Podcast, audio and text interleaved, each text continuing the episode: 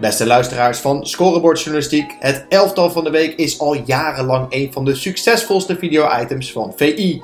En we hebben goed nieuws. Vanaf heden is het onverslaanbare elftal, wat zorgvuldig wordt samengesteld door VI's expert buitenlands voetbal, Suleiman Ostürk, en vakkundig aan elkaar vast wordt gepraat door Jarno Verwij, elke dinsdag te beluisteren op onze podcastkanalen. Nu nog even op Scorebordjournalistiek en zeer snel op het eigen podcastkanaal genaamd Het Elftal van de Week. Heel veel luisterplezier.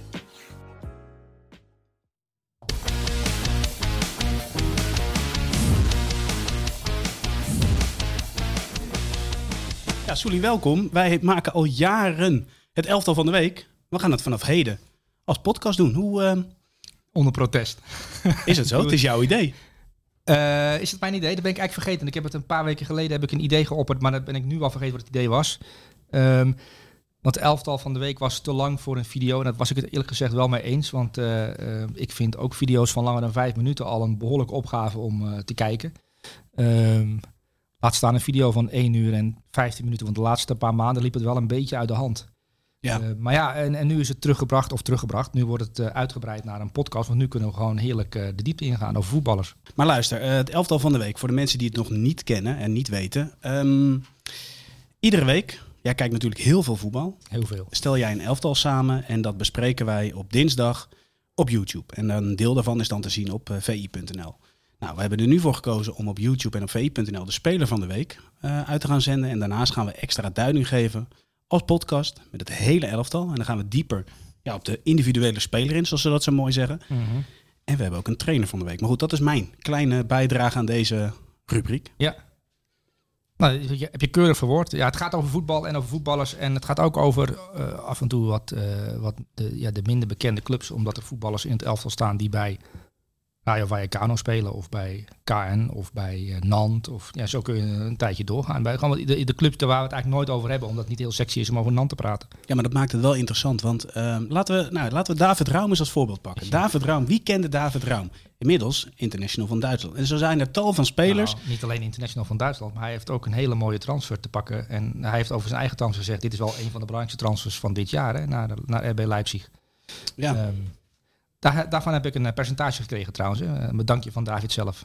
ja, maar zo ben jij ook. Ehm, want, want Van Gaal die oppert weliswaar dat hij de ontdekker is van Mark Vlekken. Maar dat Oh. is eigenlijk niet zo, hè, die, staat, die staat niet in het elftal trouwens, Mark Vlekken, di- di- deze week. Nee, nee, dat begrijp ik. Ja. Maar goed, ehm, wat, wat is leuk hier, Jana? Dus je hebt de geëikte namen die uitblinken, maar soms ook een verrassing. Nou goed, we hebben deze week ook weer de nodige verrassingen. Maar laten we gewoon eens beginnen met de keeper. Eh, niet zozeer een verrassing. We kiezen voor Nick Pope. Tenminste, jij kiest voor Nick Pope. Goed optreden tegen Brighton met twee cruciale reddingen. Ja, maar jij bent op vakantie geweest, dus ik denk dat jij het een en ander gemist hebt over Nick Pope. Maar daar kom ik zo op. Want dan ga ik jou een vraag stellen, dan mag je antwoord geven. Maar ik had ook wat andere namen genoteerd, want we zitten nu in een podcastversie. Dus dan kunnen we gewoon... eh, Eh, er is geen limiet. er is geen, ook geen, helemaal geen regels, hè? Hier, het moet alleen geen slapgelul worden. Goed in de microfoon praten. Dat is eigenlijk het enige wat echt Ja. essentieel is. Maar dan kan ik mijn blaadje niet goed lezen. Eh, maar ik had bijvoorbeeld Dean Henderson eh, eruit gepikt van Ja. de doelman van Nottingham Forest. Die pakt een strafschop. En dat was natuurlijk de doelman van Manchester United. Nou, dat Ja. is wel interessant in zo'n week dat hij een, dat hij een helder rol vertolkt voor zijn nieuwe club. En drie punten pakt. Eh, Interessante club ook. interessante club ook, ja, Nottingham Forest. Ehm, ik heb ook uh, Gikiewicz. Kleine Pool. Die zegt mij niets. Augsburg. Ja, dat is, een, dat is, een, dat is echt een goede keeper van Augsburg. En die, die heeft met 2 gewonnen van, van Bayer Leverkusen. Pakt ook heel veel. Ik heb ook Alban Lavon. Die net als Donnarumma op zijn 16e basisspeler was hè, in de Ligue 1. eh, genoteerd. Eh, maar toch gekozen voor Nick Pope. En, en tijdens jouw vakantie Ja. ehm, is Nick Pope een klein beetje viraal gegaan. En dan moet, eh, moet je maar googlen. Ja, want ik moet wel eerlijkheidshalve bekennen, eh Suleiman. Ik ben vorige week weer begonnen. Ja, en in die peri- dat hij bij Newcastle eh, onder contract stond, denk ik. Nee, nee, nee, dat niet. dat Dat, niet. niet. Maar ik kwam er wel heel laat achter. Dat moet ik wel Ja. bekennen. Eh, want ik heb eigenlijk tijdens mijn vakantie niet heel veel gezien. Ik was toevallig een keer één keer een drankje aan een bar aan het halen. Er zat tijdverschil met Nederland en Curaçao. Toen hebben we vijf minuten van de Oranje Leeuwinnen gezien. Waarop mijn zoon Stijn zei van, nou ja, laten we maar weer gewoon zelf eh, een balletje gaan trappen. Oh, Oké, nee, dat ik was dacht, niet zo leuk. ik dacht dat je jou een vraag stelde. Maar stel eens een vraag aan mij. Gewoon een random vraag over het leven. Een vraag over het leven. Nee, Ja, over- gewoon een vraag. Het maakt niet uit. Eh, Een vraag die in je opkomt, die stel je mij. Nou, ik luister de Dik voor elkaar podcast. En je moet eigenlijk altijd starten van, eh, ja, hoe gaat het? Nick Poop. Op alle vragen die jij je kunt bedenken of kunt indenken, alle vragen die in jouw hoofd opkomen, is het antwoord Nick Poop. Dat is, dat is ongeveer wat er gebeurd is eh afgelopen paar weken. Nick Poop is eigenlijk de oplossing voor alles in het leven.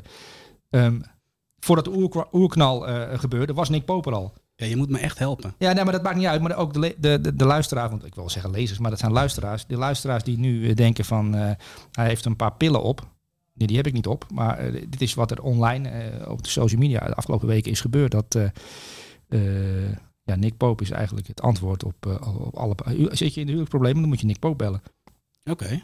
Dus vandaar dat ik ook eh, mede daarom voor Nick Pope gekozen heb. Ook omdat hij eh, eh, tegen Brighton heel veel ballen pakte. En ehm, daardoor ja, zijn ploeg, Newcastle, zijn nieuwe ploeg, Newcastle komt ook bij Burnley vandaan, Ja.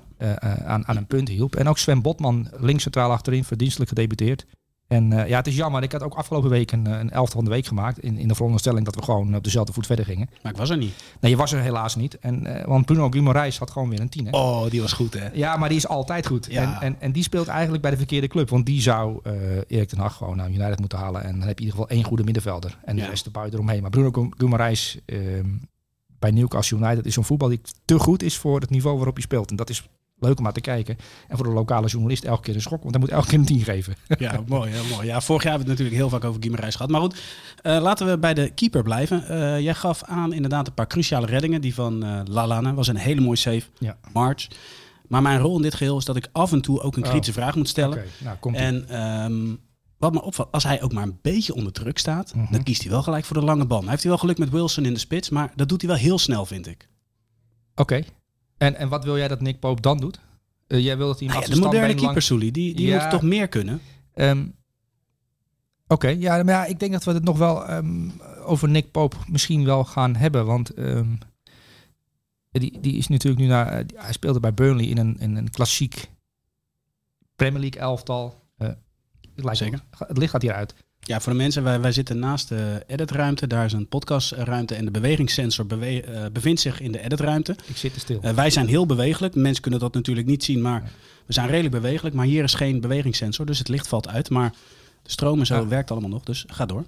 Ehm, nou ja, kijk, het is natuurlijk een keeper die, die op de lijn heel goed is. En die in, Ja. in de reactie heel goed is. En die eh, onder Sean Dyche bij, bij Burnley vooral Direct voetbal moet spelen. Nou, direct voor moest spelen, maar de bal moest inderdaad naar voren. Ja. Ehm, en Burnley verdedigde zodanig dat het vaak schoten van de tweede lijn waren. En die pakte die dan. Of van dichtbij, één tegen één is hij ook goed in.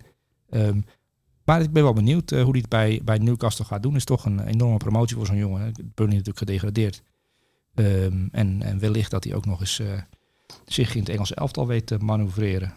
Ja, Stiekem. nou en... Want dat eh, is toch wel, die hebben niet echt een hele goede keeper. Nee, nee. Ik word van eh, Jordan Pickford bijvoorbeeld. Dat vind ik altijd zo'n je heel hele... nerveus? Ja, zo. Niet te Ja. geloven. Maar ja, toch zie je soms wel Flarden dat hij heel goed kan keepen, goed kan trappen, et cetera, et cetera. Maar goed, die staat niet in het elftal. En zoals gebruikelijk, eh Suleiman, eh, geven wij ook cijfers. Tenminste, jij geeft Oh ja. cijfers. Ehm, cijfer voor Poop, Een 8. een 8. Oké, gaan we naar de rechtsbackpositie. En ja, dat vind ik wel een hele mooie. Nico Williams, Ja. een jeugdspeler van Liverpool. Speelde daar volgens mij ja, een stuk of tien wedstrijden. In het eerste elftal. Eh, nu bij Nottingham Forest. Maar wat een geweldige wingback is dat. Hij speelt 3-5-2. Hij bestrijkt Ja. de rechterkant. Maar mag af en toe ook wel eens op links opduiken. Ja, ja kijk, eh, Nottingham Forest, daar speelde Jet Spence. eh, aan, aan, aan die rechterkant waar Nico Williams nu speelt. En Heeft twee keer in je elftal gestaan vorig jaar. ja, en die viel natuurlijk ook op in die rol al. En het is ook wel een dankbare rol als je ehm, eh, diepgang hebt. Je kan redelijk goed voetballen. Dus als je de bal op het middenveld krijgt, ehm, dan heeft hij ook nog wel eens een oplossing. En hij werd door Jermaine Genius, werd hij, hij in Match of the Day werd hij eruit gepikt. Nico Williams ook. En die, die noemde hem een mini-trend. Nou, ik snap dat wel. Want jij geeft aan dat de rechtsback eh, bij Liverpool is een spelmaker. Ja, Nou, dat was hij min of meer ook. Want die passes op Awonji, zeg ik toch goed? ja, ja. Oh. de spit Tayo Awonyi. Die ballen, want dat is dan diepte door ja, eigenlijk de centrale verdediger en de back van Ja. de tegenstander. Haarscherpe ballen. Ja. Ja, kijk, dat Nottingham Forest is natuurlijk wel een interessante club die heel lang eh, geleden natuurlijk in de Premier League speelde en nu terug zijn. Het is ook wel een interessante club omdat het een hele eh, club is met een enorme geschiedenis. Eh, maar nu ook met een trainer die met Engeland onder 17 eh, in India wereldkampioen geworden is met veel Foden en dergelijke, hè, die, die talenten. Mhm. Ehm, en die nu trainer is geworden van Nottingham Forest. En dat is zo'n man die, die, die ja, Nottingham Forest overgenomen heeft toen ze 17e, 18e stonden. Die, zijn ze nu mee gepromoveerd, komen in de Premier League terecht. En dan win je thuis in je eerste thuiswedstrijd in de Premier League weer op het hoogste niveau met 1-0 van, eh, of eh, wat was het, 1-0? Ja, 1-0 van, van, West van West Ham. Ja. Ehm, en is ook nog eens leuk dat hij talenten, jonge spelers, durft op te stellen en een kans durft te geven. Zo'n Nico Williams is natuurlijk, ja, dat is een, een speler die bij Liverpool eh, als talent wordt beschouwd, maar daar niet aan de bak komt. Om, ja, speel Virgil van Dijk maar eens uit de basis. Hetzelfde geldt voor Trent Alexander-Arnold. Ja. ja. Southgate, die, die, die vindt Trent uh, een slechte verdediger. Um, maar ja, speel hem bij Liverpool maar eens uit de basis. Dat gaat de komende tien jaar niemand lukken. Nee. Dus, dus als jij een talentvolle rechtsback bent, Kiana Hoever kan erover meepraten, bijvoorbeeld. Absoluut. Uh, ja, dan kun je wel uh, van alles beloofd worden en, en, een traject voorgeschoten worden. Maar dat traject is gewoon dat je over tien jaar nog steeds reserve bent achter Trent Alexander-Arnold. Ja, want hij komt uit de jeugd van, van Liverpool, hè? Die, deze Williams. Um, Alexander-Arnold was van nature middenvelder, werd uiteindelijk rechtsback. Heeft hij een beetje diezelfde transformatie doorgemaakt? Want als je hem ziet spelen, dan zie je er ook geen typische rechtsback in. Nou, ik denk ook dat het komt omdat je natuurlijk wel de afgelopen periode... Uh, ja, hij heeft heel vaak gekeken naar hoe het moet. Um, en, en hij heeft natuurlijk wel kwaliteit. Jij noemt een aantal kwaliteiten net op. Um, ja, hij is natuurlijk ook um, door Liverpool bij het eerste elftal betrokken. En jij noemde het aantal wedstrijden die hij heeft gespeeld. Ze zagen natuurlijk wel talent in hem. En, en nu je hem bij Nottingham Forest op een iets lager niveau, onder een iets lagere druk ziet, zie je ook wat Liverpool in hem heeft gezien. En dit is zo'n speler, zo'n jonge speler, en dat zie je wel vaker. Je hebt het ook gezien met Conor McGallagher uh, uh, bij Crystal Palace, die nu bij Chelsea terug is. Dat zijn jongens die, die, die hikken dan tegen dat niveau aan. En dan heb je best wel, heb je Kante voor je bijvoorbeeld, of Jorginho. Ja, daar kom je dan maar eens doorheen. Um, dan mag je bij Crystal Palace meedoen vanaf augustus. En dan word je ineens spelen van de maand augustus. In je eerste, ja. en, en langzaamaan ontwikkel je. En dan zie je, oh, dat is ook best zo'n aardige speler. Maar je hebt dus een podium nodig. En voor hem is het een geweldig podium. Nottingham Forest, sowieso een jaar in de Premier League. Uh, om te laten zien dat je in een 3-5-2 systeem als wingback geweldig kan functioneren. En, en wat Jet Spence heeft meegemaakt bij Nottingham Forest met transfer naar Tottenham, ja, dat kan zo'n Nico Williams natuurlijk ook meemaken bij, uh, bij Nottingham. Ja, wat vond jij? Als dit, het, als dit het begin is, en als het is, oké, hij kan dit en dat doet hij nu op uh, consistent niveau en hij herhaalt dit uh, week in, week uit, ja, dan is natuurlijk uh, binnenkort Nico Williams een, een interessante speler voor heel veel trainers. Ja, wat vond jij van de klik die hij heeft met de spits van Nottingham Forest? En Wonji. Um, ja, ik denk dat daar dus op het trainingsveld aan gewerkt is. Want, want dat elftal, want daarom vond ik, Nottingham Forest, die, die zijn dan terug. Uh, die hebben heel veel geld geïnvesteerd. Hè. Elke keer worden lijstjes gepubliceerd en dan zie je Nottingham Forest bovenin staan. Meer dan 100 miljoen euro uitgegeven. En dat Fulham heeft het ook een keer gedaan. En die zijn toen daarna kaart weer gedegradeerd. Ja. Een heel nieuw elftal. En, en als je dan in, in zo'n wedstrijd tegen West Ham, de eerste wedstrijd thuis, al patronen ziet, dan denk je, oh, dat op het trainingsveld moet een goede trainer zijn. Want ja, wat vind je van de connectie? Ja, die jongens die hebben uh, elkaar bij de koffiezetapparaat hallo gezegd. En, en dezelfde middag spelen ze op deze manier. Ja, er is niet echt sprake van een connectie, denk ik. Ja, ze hebben heel goed, een hele goede trainer. Ja. Uh, en dat heeft Jurgen Klopp ook over hem gezegd. Dat het, een, dat het een trainer is om in de gaten te houden. Dus dat zie je vooral. Dat er, uh, dat er, dat er, dat er een, een, goede trainer zit die kennelijk in staat is om met een to totaal nieuw elftal... Het is leuk om naar te kijken. Heel, heel herkenbaar voetbal te spelen. Want het is wel duidelijk wat Nico Williams doet. Ja. We twijfelen niet of het een wingback, wingback is. Hè? Want het is echt heel duidelijk hoe Nottingham speelt en hoe hij speelt. En dat viel, dat viel, dat viel meerdere mensen op dus. Ja, we hebben ervan genoten. Maar sowieso, Nottingham is leuk om uh, naar te kijken. Speelt sprankelend en fris voetbal. Um, ja, zoals net bij Pope, uh, ook een cijfer Williams. Een 8,5. 8,5. Hey, we gaan door naar de centrale verdediger. Um, alvast, uh, we gaan het niet over Tuchel en Kont hebben. Nu nog niet in ieder geval. Okay. Maar houden we nog even vast mm -hmm. tot het einde. Misschien komt het dan aan ja, het einde een beetje aan bod. Dat hele Tuchel en Conte ding, hè, die, die, die ruzie, um, die ging ook over voetbal die ging ook, um, want wat ik, eh, het, ik heb echt genoten van die wedstrijd en niet van die vechtpartij. Ja, daar heb ik ook van genoten. En dan denk ik, oké, dit zijn twee mensen die zitten helemaal als twee schakers tegenover elkaar in stilte. Maar de ene set is nog fantastischer dan de andere set. En dan denk ik, dit komt toch godverdomme, die, die Toegel. Netjes praten. Wat een briljante vondst. Oh, hier moet ik iets. Er gebeurde op het veld, en dat zal jij echt als, als aanstormen. Trainerstalent zeer interessant vinden. Er gebeuren op het veld hele interessante tactische dingen. Waarbij Conte afgetroefd is. Hou vast, want wat de mensen uh, die voorheen niet keken, maar wel luisteren nog niet weten, is dat mijn rol als presentator zo minimaal is. Als ik zeg, hou even vast, dan heb je er gewoon scheid aan. en dan ga je gewoon door. Maar laten we dat een beetje, nee, nee, maar ik wil het een beetje over, kaderen. Over, over, oh ja, oh, ik wil het over... over uh, Reece James hebben. Ja, Reece James hebben, want die speelde in dat hele tactische verhaal uh, richting Conte ook wel een, uh, een, een, hoofdrol. Want ja Reece James, die kennen we natuurlijk van afgelopen seizoen. Veel wedstrijden gespeeld als rechter wingback op de plek. Op de plek van Nico Williams ook. Dat is een, uh, een wingback, diepgang, snelheid, scorend vermogen. Iemand die vaak in de 16 komt. Denk aan Denzel Dumfries. zo speelde Reece James normaal gesproken bij, bij Chelsea. Ja, maar iets minder gepolijst en verdedigend iets betrouwbaarder. toch? Ja, ja maar er is nu iets bij. Tuchel is natuurlijk aan de slag gegaan met elftal en het moet beter. En ja, er zijn een aantal verdedigers vertrokken. En die heeft uh, Reece James nu naar het centrum gehaald van de defensie. Je hebt drie man achterin. Je hebt Koulibaly natuurlijk, een aanwinst van Napoli op links staan. Je hebt Thiago Silva in het centrum. Hè, die op zijn uh, 38e daar als een uh, veldheer voetbalt. En dan heb je nu rechts centraal achterin Reece James. Die, net als Rudiger eigenlijk afgelopen seizoen, veel meer niet alleen een rechter centrale ja. verdediger is, maar ook dat je denkt van in de halfspace als een soort spelmaker staat. En, en, en daar moet je. En daar heeft Tottenham geen oplossing voor. Maar wat er ook gebeurde is dat Reece James had van uh, Thomas Tuchel de opdracht gekregen. Heung-Min Son, die loopt heel veel.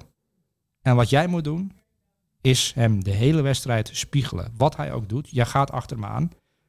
Wat eigenlijk iets is wat je steeds minder ziet. Want alle trainers lossen het op in de zone en dan moet Ja. er overgegeven worden, gecommuniceerd worden. Dus dat is best wel opvallend. Ja, en, en Kane is natuurlijk ook bekend van Kane dat hij heel vaak zich een beetje laat uitzakken. En als hij dat deed aan de kant van Reece James en Son bleef staan, dan, dan ging Re- Reece James door op Harry Kane. En eh, hij had continu de juiste timing om voor de bal te komen, bijvoorbeeld.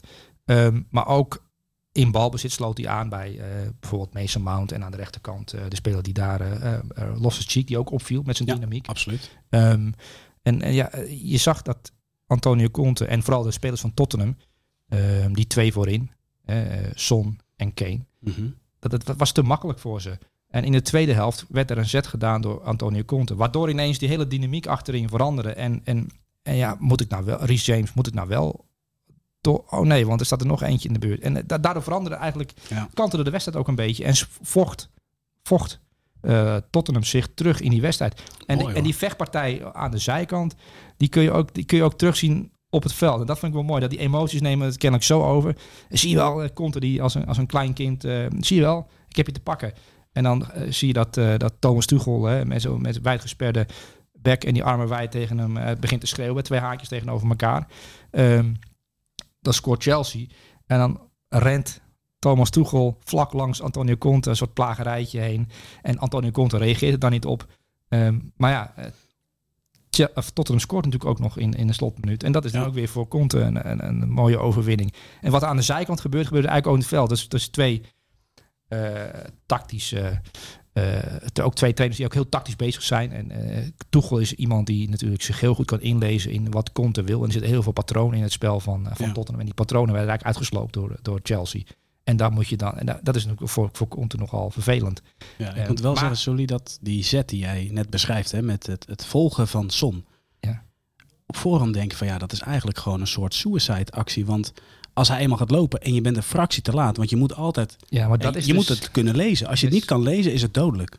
Er is een reden waarom Reece James rechts centraal achterin staat. Omdat Thomas Tuchel dat vaker heeft gezien en die denkt, die Reece James is eigenlijk wel heel goed daar als centrale verdediger. En dat vind ik een rol van een trainer ook. Je hebt een elftal, dan moet je mee aan de slag gaan.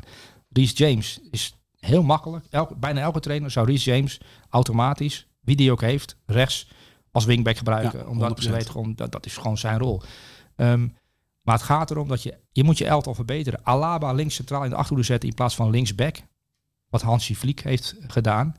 Dat is waarom je de Champions League kan winnen. Omdat daar, daar heeft een tegenstander geen antwoord op. Reece James als rechter centrale verdediger is echt een troef voor Chelsea. Ehm, samen met Koulibaly en, en Thiago Silva. En er moet nog een verdediger bij in het midden. Misschien Fofana bijvoorbeeld. Ja. Snelheid. Ehm, en, en de- ja, het werkte.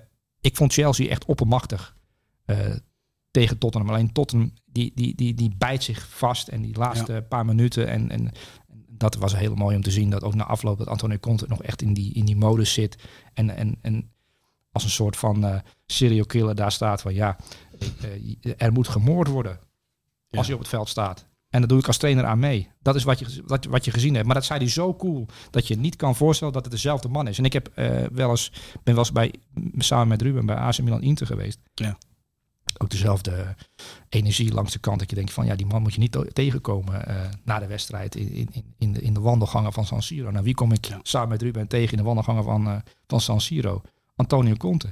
Een heel klein, miserig mannetje dat, dat, dat voorbij li- liep. Je zou, je zou hem bijna geld willen meegeven. Ga wat eten halen, weet je wel. Ja, serieus. hè. Dat is echt waar. Het is echt, echt, het zit wel een enorm verschil Ja. in de uitstraling langs de zijlijn en in, de, in die duck-out. En dan eh, als, je, hem- als je hem buiten... Want het is echt een heel klein mannetje. Ja. Er zit heel veel gif in. Maar hou vast, want aan het einde komen we hierop terug. Ehm, we hebben het over Reece James. Um, goede voorzet op Maar vind jij, zou jij hem opstellen als rechter wingback, nu je dit gezien hebt tegen Tottenham, of als rechter centrale verdediger, omdat hij ook aanvallend dan voor problemen zorgt? Hè, bij nou, vooral het laatste. Want uiteindelijk wat, wat uh, opvalt is dat hij als rechter centrale alsnog ook aan de zijkant, laat maar zeggen, gevaar kan stichten. Ja. Uh, had een goede voorzet op Mount, die moet erin. Um, ik vond trouwens Mason Mount. Um, afgelopen seizoen was het heel vaak, eh, moest, moest het heel vaak over Hakim Ziyech hebben, omdat Hakim Ziyech dan niet druk zette. En, maar Mason Mount, de eerste nou, vijf, 35 minuten, jeetje mina, die, die is overal op het veld op de juiste manier druk aan het zetten. Um, en een Kante trouwens, die helaas geblesseerd raakte. Ik, ik vrees een beetje, een beetje voor een hamstringblessure. Um, maar die stond ook elke keer, als hij ergens tussen moet komen, zat hij ertussen. Um, en ja, dat was wel goed om te zien dat, uh, dat, dat, Chelsea toch uh, het op orde heeft. En het is wel knap uh, als je weet wat er afgelopen maanden allemaal achter de schermen is gebeurd. Ik bedoel, er heeft een, heeft een Amerikaan zichzelf tot technisch directeur gepromoveerd. Die, uh, die dacht dat het zo aan toe ging als in Amerika. En die echt geen idee heeft wie al die voetballers zijn. Hè? Die, die, die, nee. dus als, als Thomas Tuchel bij hem op zijn kantoor komt en die zegt ik wil Frenkie de Jong hebben. Dan moet hij eerst googelen wie dat is. En dan zegt hij oké, okay, 80 miljoen doen we. Kijk, dat is ongeveer wat er ja. nu bij Chelsea aan de hand is qua voetbal inhoudelijk uh, uh, kennis van een technisch directeur. Want hij heeft zich tot, tot technisch directeur benoemd. De eigenaar, nieuwe eigenaar, die, uh, die een paar miljard heeft neergelegd. Um, dus, maar goed, dat is wel knap dat je dan ook nog met dit spelersmateriaal en met Reece James als rechtscentrale verdediger toch wel echt een heel hoog niveau had. Ik vond dat Chelsea ja. echt een goede indruk maakte. Maar je wil afronden. Nee, ik wil nog één vraag stellen voordat we een cijfer geven. Uh, ik wil doelpunt nog even met jou bespreken. Want wat wel heel oh. opvallend was in die wedstrijd, is dat van twee kanten dat er heel veel pressing was. Ja. Dus veel druk zetten.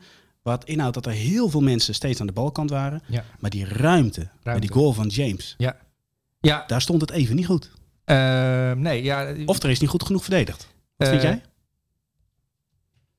Het was een omschakelmoment. Ja, ik, ik, ik, ik, ik, ik, haal de goal nu voor me. En het is inderdaad zo dat James minstens, als je een cirkel omheen zou trekken, een meter of 20, 25 en aan alle kanten ruimte had. Dus er is kennelijk iemand.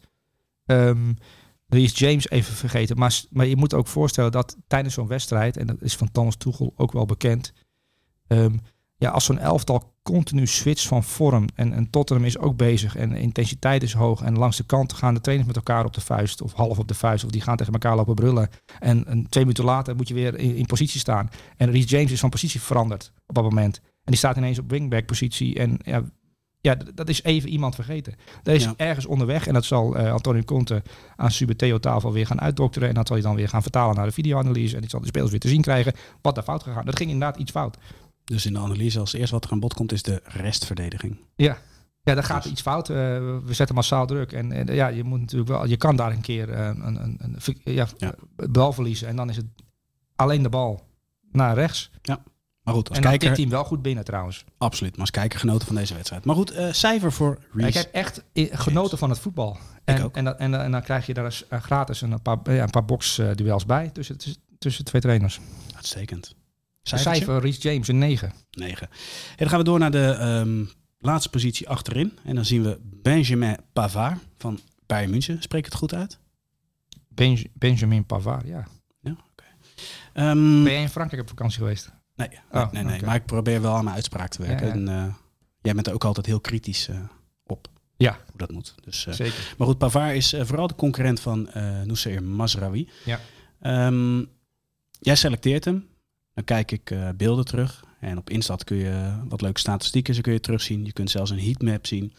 Um, Kwam, kwamen daar leuke dingen uit die statistieken tevoorschijn of niet? Nou, wat opvalt is dat hij echt aan, alleen maar aan de buitenkant speelt. En daar heel veel meters maakt. Uh, zowel in balbezit maakt hij veel meters, maar hij verdedigt ook goed terug. Terwijl Mazraoui ook bekend staat om het feit dat hij goed is aan de binnenkant. Ja.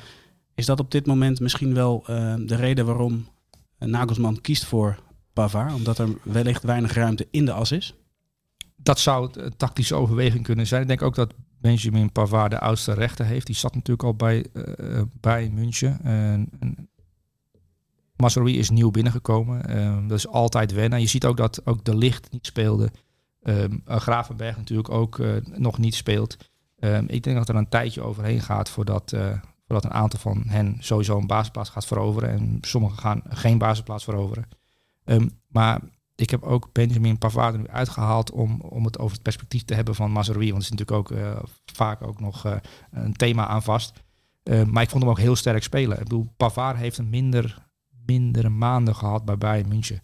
Ehm, en die komt wel nu de eerste paar wedstrijden heel sterk voor de dag uh, aan die rechterkant. En die rechterkant, uh, dat, is gewoon, dat, dat, is gewoon een strook die daar neer is gelegd. Er ja. staan geen pijlen op, die, op dat veld. Uh, maar die zou je er wel bij kunnen denken. En, en hij heeft heel strikt een aantal opdrachten meegekregen die hij moet uitvoeren. En die voert hij geweldig uit. En als, toch wel bijzonder dat hij van alle spelers het vaakst aan de bal komt. Als je ook nog Kimmich op het veld hebt staan. Hè. Dat is wel, ja.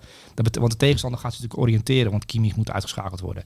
Um, ja, want voor jou beeld 98 passes, waarvan die 84 procent uh, nou ja, goed uh, verwerkt. Ja, dat is natuurlijk wel, uh, als je vaak aan de bal komt, is het wel lekker als je die passes ook nog goed verwerkt. Want als jij dan veel vaak balverlies inluidt, en dat was afgelopen jaar ook het probleem, dat, dat Bayern München zeer aanvallend speelt. Maar als dan een, een back te vaak balverlies leidt, moet je terug. Moet je in de achteruit. Um, en Nagelsman wil het oplossen door eigenlijk in de vooruit te gaan. Dus de, dus de laatste lijn nog hoger op het veld. Dus als ja. er een keer bal verliest, wordt geleden dat er ook dan direct druk uh, wordt gezet. Bijvoorbeeld Frankfurt kwam langs in de eerste speelronde. Of Bayern München speelt tegen Frankfurt. Um, en die zorgen daarvan. Hoe intens Bayern München preste. Um, ja, en, en, en Benjamin Pavard is de, af, de afgelopen week een van de uitblinkers op het veld. Maar er zijn wel meer uitblinkers. Maar ik, dat moet ik me aangeven dat het voor Mazraoui niet zomaar... Die maakt natuurlijk heel veel indruk in de voorbereiding. Mm uh, maar van wat gezegd door, door de Duitse uh, analytici... van ja, dit is de speler die het snelst een baaspaas gaat. Maar hij moet dus tegen, nu tegen Benjamin Pavard opboksen... die vooralsnog geen reden heeft gegeven om te wisselen. Terwijl hij in de zomer, uh, toen de licht kwam, was toch het thema van ja, Pavard gaat dan weg. Want die had eigenlijk aangegeven dat hij centrale verdediger wilde worden. Hè, want daar ligt eigenlijk zijn hart. Hij wil het liefst centrale verdediging spelen. Maar een jongen die centrale defensie kan spelen, is natuurlijk ook vrij goed aan de bal. Uh, en hij toont nu de dynamiek waarvoor ze Mazraoui hebben gehaald. Uh, op en neer Absoluut. gaat hij. Ja, dan heb je natuurlijk wel een geweldige speler aan, aan, aan deze Pavard. Dus nogal een concurrent voor Mazraoui om aan de basis te spelen. Maar daar wordt hij alleen maar beter van. En daar wordt ook Bayern München beter van. Want je ziet toch, haal een concurrent. Ineens hebben de spelers wel de energie om, om te doen wat de coach wil. Ja, de vraag is ook als je, als je naar de wedstrijd kijkt. Want je hebt het over de strook waarin Pavard zich dan bevindt. Hè? Ja. Uh, die is 120 meter lang en laten we zeggen 10 meter breed. Meer zal het niet zijn, toch? Nou, laten we zeggen 15 meter. Nou, 15 meter. Ja. We geven hem wat extra. Um, ja, voor mijn gevoel is die ruimte te beperkt voor Masraoui. Ja, dat zou dat, op basis van zijn Ajax-momenten ja. die je in je hoofd hebt zitten, omdat hij natuurlijk onder Ten Hag heel vaak ook op het, ja, in de as eigenlijk opdook. En ook, van, ook heel goed is. En waar hij ook goed is. Ja, het is een, ja, maar, maar je bent nieuw bij een club. En dat Matthijs de Ligt, waar veel, veel geld voor, gehaal, voor betaald is. En waar heel veel energie in gestoken om die van Juve over te nemen. Um, ook die is nu momenteel niet direct basisspeler. Hè. Het is Oef Marcano en, en Lucas Hernandez ja. uh, achterin. Um, ja, en wie is dan Masrowi om dan direct een basisplaats op te eisen? Hij, eh, uh, dat is het mooie van een topclub. Dat, uh, en ook onder zo'n toptrainer de beste speelt. En als Pavard nu uh, laat zien dat hij de beste is en het ook waarmaakt in zo'n wedstrijd, ja, dan moet Masrowi op de training laten zien en nog gretiger, ja, nog meer intensiteit aan de dag leggen. Want het gaat om intensiteit bij, bij Bayern München. Ja. En dat heeft Masrowi zeker. En ook nog eens technische capaciteiten. Dus Absoluut. Als hij dat een en de andere weet te koppelen, ja, dan heeft Bayern München straks wel een spectaculaire speler. Ja. Nou ja, interessante ontwikkelingen. Ja. Um, cijfer voor uh, Pavard. Dus, dus je moet eigenlijk niet meteen nerveus worden omdat je niet in de basis staat. Dat wordt vaak, ja, dit is ook altijd een media ding. Ja, hij speelt niet. Ja, ja nee, hij, nee. Nou, het is wel leuk om te achterhalen. Wel... Wat zou een reden kunnen zijn waarom hij niet speelt? Ja, maar het is natuurlijk heel duidelijk waarom hij niet speelt als je de wedstrijd van Bayern München ziet. En ook het idee van Nagelsman een beetje in je hoofd hebt zitten. Um, dan weet je wat er aan de hand is. Ik bedoel, uh, ook naast Kimmich, uh, de rol naast Kimmich. Kimmich speelt altijd. Ja. Er is een rol naast en uh, Goretzka is geblesseerd. Ja, Gravenberg heeft minuten gekregen. Um, en nu speelt die jongen van Leipzig daar op het moment in het centrum. En als Goretzka weer terug is, zal hij daar waarschijnlijk weer gaan spelen. Um, maar er wordt iets van je verwacht daar naast, naast Kimmich. En daar zal Gravenberg langzaam naartoe moeten werken. Het ja. is onbestaanbaar dat hij vanaf, vanaf Ajax uit de Eredivisie overkomt en direct op speeldag 1 dat niveau heeft. Absoluut niet. Massi Musiala, weer opnieuw een van de uitblinkers, is al wekenlang in bloedvorm. Heeft ook een jaar nodig gehad om um, te voldoen aan wat Nagelsman van hem verwacht qua intensiteit. Ja, maar het is ook wat je op voorhand verwacht, Soelie. Kijk, van, van uh, Gravenberg wisten we dat.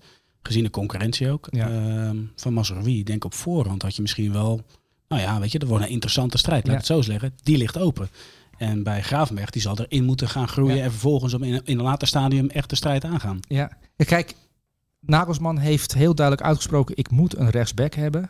En daarom had hij ook interesse in Denzel Dumfries. Hij moest een soort, eh, hij moest iemand hebben aan de rechterkant die voor diepgang kon zorgen, die in de 16 kon komen, die, die, die, die, die energie in zo'n elftal, eh, zoals Alfonso Davies aan de andere kant. Dus Ja. eigenlijk een, een, een, een Alfonso Davies, maar dan aan de rechterkant. Da- daar hebben ze Mazraoui nu eh, voor gekocht. Alleen dan kan het dus gebeuren dat de zomervakantie is over en, en de spelers melden zich op, op de club. En Pavard die heeft, ja, die wordt in verband gebracht met, met andere clubs. Eh, die wil misschien wel weg, want die voelt ook aan, oké, er, er is een vervanger voor mij gehaald. Ik ben niet de rechtsback, maar ze hebben nu een nieuwe rechtsback. Ehm, maar die laat dan die eerste paar trainingsweken zo'n hoog niveau zien, dat de trainer denkt, oké, maar als, dit, als hij dit kan brengen, dan hebben we heel veel aan hem. En dan Ja. hebben we twee, van, eh, van, eh, twee hele goede spelers. Die ook nog eens, waarvan er eentje ook nog eens centraal in de defensie kan spelen. Pavard. Een luxe. Zullen nu wel een cijfer geven? Want we moeten nog heel veel spelers behandelen. Oh ja, een 9 voor Een. Benjamin Pavard. Hey, wat zie ik? ik? Ik zie hier ehm, op mijn blaadje Alejandro Catena van Vallecano. Ja, Ik moet gelijk zeggen, eh, voorheen koos je altijd voor drie verdedigers en eh, speelde je 3 voor 3. Ja. Je bent dus overgestapt naar iets meer zekerheid. Nee, nee, nee, nee. Ik, ik, het, omdat het nu een podcast is, ehm, heb ik natuurlijk de vrijheid om elke, eigenlijk elke week van, van formatie te wisselen. Dus ik ga nu ook, eh, net zoals moderne trainers. Ik kan zelfs tijdens de podcast kan ik van formatie gaan wisselen, zoals Tuchel doet. Meerdere systemen in één In, in podcast. één podcast, ja. Dus, dus ik heb nu deze, deze week gekozen voor een 4-3-3. eh, omdat ik eh, een aantal verdedigers eh, wilde opnemen in mijn Ja. selectie. En omdat ik dacht, ja, die midden, ik heb één middenveld doorgestreept. Ik dacht, nou, dat wordt het een 4-3-3. Dus Oh, ik, zag ook een hele interessante, keuzes. ik zag net een hele interessante nummer 6. Maar daar komen we straks op. Want we gaan het eerst hebben over Catena. Die speelde met Vallecano tegen Barcelona. Centraal achterin. Barcelona met een gevaarlijke aanval. Ook met gevaarlijke invallers. Ehm, hij heeft, denk ik, amper een duel gespeeld. Hij heeft het relatief rustig gehad. En ik denk dat dat komt door zijn positie kiezen. Rust aan de bal. En gewoon echt het spel lezen. Ja, en eh, we hebben nog niet. Het is natuurlijk een podcast, dus mensen zitten nu in de auto en die rijden straks tegen een boom aan. ehm, omdat ze soms schrikken. Ehm, maar deze Catena is 1,94 meter. Hè? Dus hij heeft geen duel gespeeld. Je zou denken, het is een duelmonster. Op basis van zijn profiel. Als jij inlogt op Instat en je ziet eh, zijn profiel, dan zie je gewoon 1,94 meter. Dat is een, dat is een beest van een verdediger. Ja, Ehm, maar het is een hele gracieuze eh, eh, speler die op basis van inzicht ook zijn linksback goed helpt. Hè? Want je speelt tegen Barcelona in Camp Nou, groot veld. ehm, met Rafinha en Oes, Ousmane Dembele op de vleugels. Ja. Dus die backs hebben een vervelende eh, avond. Want ja, je, Ousmane Dembele gaat er vaak langs, eh, Rafinha ook. En dan moet jij als linksback eh, dat gaan coveren. En dat deed hij ook heel goed. En deze speler was me afgelopen seizoen ook een keer opgevallen. ehm, bij Rayo Vallecano. Ehm, en ik ben wat over hem gaan opzoeken. Nou, dat doen we natuurlijk ook altijd in, die, in het elft van de week. En een beetje achtergrond meegeven over spelers. Maar dit blijkt de speler te zijn met de meeste aangekomen lange passes in La Liga afgelopen jaar. oké. Eh, eh, hogere eh paaszuiverheid op, op dat gebied dan Tony Kroos. Dus dit is een jongen die, die, die heeft lengte. Die staat daar links centraal achterin. Maar die heeft ook een trap in zijn rechterbeen. Over een meter of 50, 60. En dat zag je ook tegen Barcelona twee keer, denk ik. Dat hij zo'n bal eventjes naar, de rechts, naar de rechtsbuiten legt. Ja. Ehm, en dus ja, het is wel echt een interessante speler op leeftijd al. Die natuurlijk ook van het lage niveau eh, komt. En bij Rayo nu eh, in, in de Primera Division ook tegen Barcelona weer een goede indruk maakt. Ehm, is wel een, een speler om eh, in de gaten te houden, deze, deze Catena. 27 jaar al, maar eh, ehm, ja, en lengte en inzicht en een geweldige, geweldige lange trap. Ja, absoluut. Eh, is hij de beste in Spanje in La Liga in. Dus als je nu de volgende keer naar Rayo kijkt, dan is het eh, een lange paas spotten van deze Catena. Toch leuk? Ja, maar daar is deze rubriek ook wel een beetje voor bedoeld. Hè? Dat je in de volgende wedstrijden, dat je denkt, oh ja, daar had Sully het over. Even opletten wat hij doet. Ja, dan krijg je dat soort eh, details krijg je dan mee. Ja, het leuke is dat ik heel vaak tijdens wedstrijden, die ik zelf niet eens zit te kijken, want ik zit ik een andere wedstrijd te kijken, dan krijg ik een wedstrijd van ja, ehm, inderdaad, het klopt. die, leuke speler die linkshalf van, weet ik veel welke club. Ehm, Maar daar doen we het ook voor, toch? ja, nou ja, doe ik er niet voor. Ik vind het gewoon leuk om voetbal te kijken. En, eh, Ja, dat doe je het wel een en- beetje voor. en jij vindt het leuk om een elf van de week op te nemen. Dat- daarom doen we dit eigenlijk. Dat was jouw idee. Ehm, ja, dat kan ik me niet herinneren, maar, eh, maar goed. Nou ja, we Maar moeten wel altijd... bijzonder, want ik zit me nu opeens te denken. We- een podcast kan je natuurlijk op elke, elke lo- denkbare locatie opnemen. Maar wij zitten nu in, in, een, in een vage studio hier met, met allemaal collega's die naar ons zitten te kijken. Maar we zouden dus ook in een sauna gaan kunnen zitten. Nou, zo. maar Je zit hier toch, ja, het is hier wel warm trouwens. Want als je het raam openzet, ja, dan krijg je ook weer veel omgevingsgeluid. Dat willen we Hm. niet. Maar eh, voor de mensen thuis, we hebben links van ons eh, de editruimte waar normaal gesproken Ruben en Matthijs aan het werk zijn. Op dit moment zien we ze even niet. Ja, normaal gesproken kunnen wij Ruben zien ma- masturberen aan de overkant, maar hij is er even niet. Ja, ja. Hij is er even tussenuit gepiept. Ja. Ehm, maar goed, gaan we terug op het onderwerp. Ja, een wat voor af. cijfer? Ehm, nou ja, een punt pakken tegen Barcelona, tegen het, het vernieuwde Barcelona met Lewandowski. Want dat hebben we niet eens genoemd, want eh, rug nummer 5, Catena, en op een gegeven moment valt het toch op, Lewandowski in zijn broekzak. 100%. En dat is toch ook wel, is en de Lewandowski uitgeschakeld en belangrijk eh, eh, bij het eh coveren van eh, het, het werk voor zijn linksback doen. Dus ook meedenken met, oké, hij gaat er nu langs, waar moet ik staan? Oké, aanval eh verijdeld. Ja. En ook nog eens in balbezit is Rayo Vallecano best een oké ploeg. En het is een ploeg die tegen degradatie strijdt en niet in de La Liga, tweede La Liga wil komen, in La Liga 2. eh primair, of Segundo Division. Ehm, maar eh, ja, leuke ploeg. En Barcelona heeft er altijd moeite mee. Het is niet de eerste keer dat ze punten laten liggen tegen Rayo Vallecano. Afgelopen seizoen ook natuurlijk. En Koeman kan erover meepraten. Zeker weten. Ja. Cijfertje? Een 9. 9. Vind ik terecht. Vind ik terecht. Hey, we gaan naar de eerste middenvelder. Eh, we gaan nog niet direct naar de nummer 6, waar we straks op terug eh, eh, gaan Ja. komen. Eh, Kevin De Bruyne. Ja. Fenomenaal. Ehm, Ja. ik persoonlijk vind hem de beste middenvelder ter wereld op dit moment en al enige tijd. Mhm. Maar daar wil ik het niet over hebben, want ik wil het vooral hebben over de samenwerking met Erling Haaland. Daar was in de voorbije weken natuurlijk al veel om te doen. Ja. Maar je merkt, eh, pak het doelpunt erbij. Hij stelt eigenlijk dat schot zo ontzettend lang uit, omdat hij hoopt dat Haaland wellicht wegbeweegt of niet. Dat, dat durf Ja. ik niet te zeggen. Maar je ziet dat hij in eerste instantie wacht op Haaland. Ja. En pas op het laatste besluit van ja, ik kan nu echt nergens heen. Nou, dan doe ik het maar zo. Eh, Je bedoelt de, buitenkant rechts? Mooi hè? De actie, ja. Ja, de manier waarop hij inderdaad het schot uitstelt en daardoor ruimte creëert voor buitenkant rechts. Ja. Eh, fenomenaal. Dat inzicht, die timing, dat gevoel voor ruimte en tijd, dat is onwaarschijnlijk. Ehm, je ziet ook tijdens de wedstrijd dat hij bezig is met, oké, waar staat hij? Mhm. Haaland. Ja. Ehm, en hij kan die bal natuurlijk overal neerleggen. En, en ja, dat, we gaan nog heel veel fijne passes richting Haaland zien van Kevin De Bruyne. Alleen eh Haaland die debuteert natuurlijk met twee goals. Ehm, wedstrijd nummer twee in de competitie, acht balcontacten. Waarvan twee geslaagde passes. Ik weet niet of je het meegekregen hebt, maar Ja, ja. de, de aftrap en, eh, en de assist. Hè. Gundogan. de assist op Gundogan. Ehm, heeft hij dan een slechte wedstrijd of een goede wedstrijd gespeeld? Vond je Haaland goed of slecht? Dat ik Functioneel. Want hij, ehm, hij leidt natuurlijk wel heel veel spelers af. Dus hij creëert daarmee wel zijn ruimte. Alleen hij heeft niet de vrijheid die hij heeft bij Dortmund. Dus ik denk dat hij daar nog even aan moet wennen. Want daar is die uitzak. Nou, dan maken mensen Ja. ruimte voor hem. Er gebeurde En, wel iets eh, interessants hè, in, in de rust van die wedstrijd. Vertel. Ten Hag heeft natuurlijk interessant eh, gewisseld. Drie spelers eruit gehaald. Maar ehm, in de rust van eh, City Bournemouth haalt hij Phil Foden naar de kant. En Phil Foden had een bal op Haaland moeten geven. Haaland ontplofte als hij die bal Ja. kreeg. Phil Foden ging voor zijn eigen kans. En als hij hem gemaakt had, was het een mooi, mooi doelpunt geweest. Naar die paas van De Bruyne. Eh, nou ja, precies. Ehm, en na afloop komt hij er wel op terug. En, en, en Phil Foden moet die bal, ook al heeft hij hem niet gezien. Dat was de reactie van, eh van eh, Guardiola. Ook al heeft hij hem niet gezien. Hij moet die bal altijd opzij leggen. Want er, is, er zijn een paar dingen zeker in het leven. Dat we allemaal doodgaan. Dat is zeker.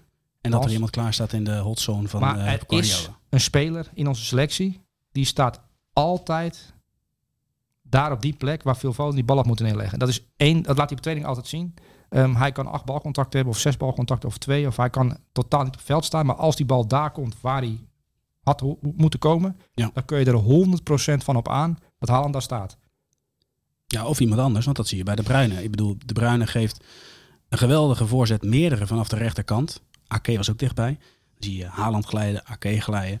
Er is altijd gewoon bezetting. Ja, ja en, en ja, het is voor Haaland, eh, die, die heeft volgens Guardiola de moeilijkste job in het voetbal. Ja, dat is een beetje eh, overdrijving.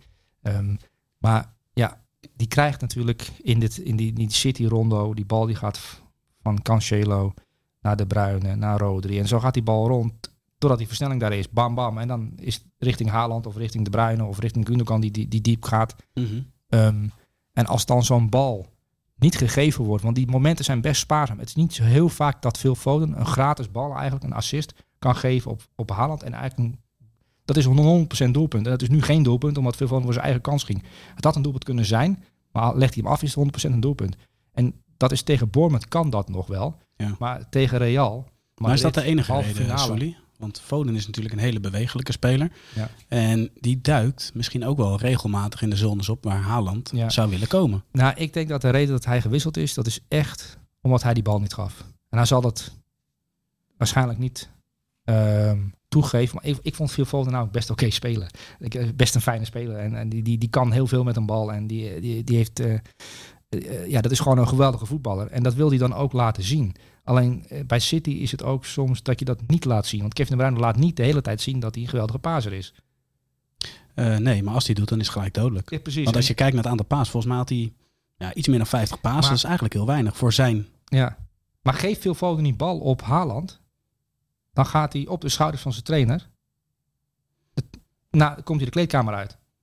En dan speelt hij de komende weken in plaats van Jack Grealish. Want er is een strijd gaande aan de linkerkant tussen Jack Grealish, aankoop van 150 miljoen euro, en Phil Foden, die kan en op rechts eh, en valse, valse spits kan hij spelen en hij kan op links. Maar het is kiezen tussen Jack Grealish, die, die niet, net niet helemaal uit de verf komt, die wel aardige dingen laat zien, maar net niet.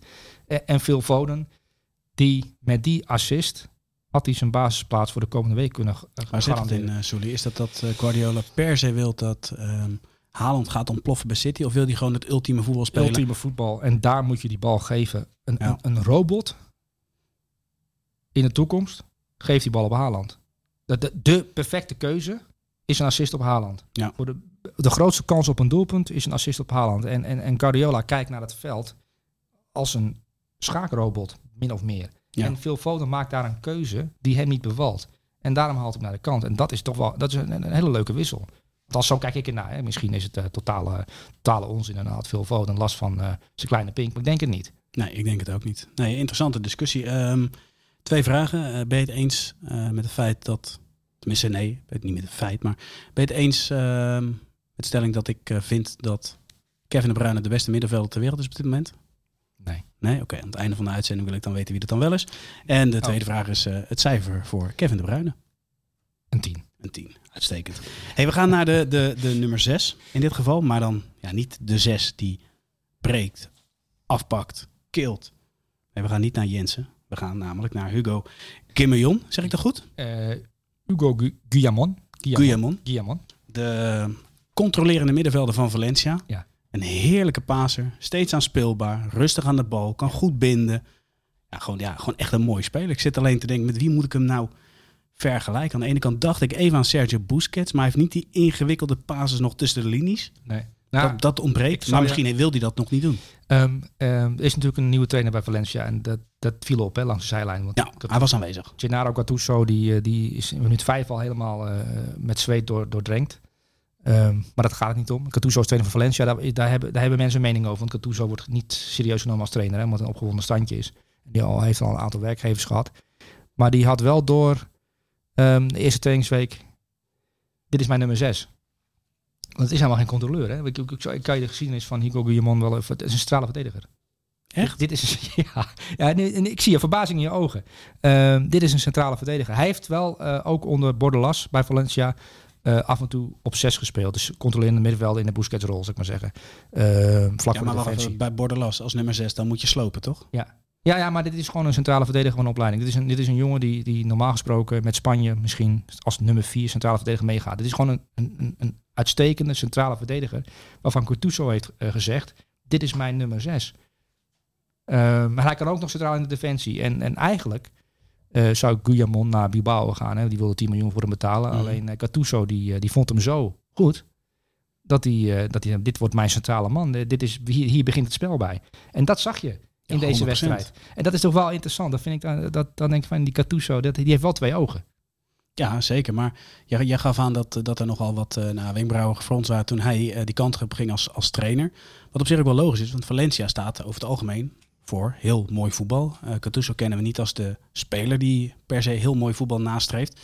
Maar deze speler, dat het, het feit dat jij zegt van oké, okay, hij is centrale verdediger, uh, wordt als zes neergezet, dus hij zoekt wel controle.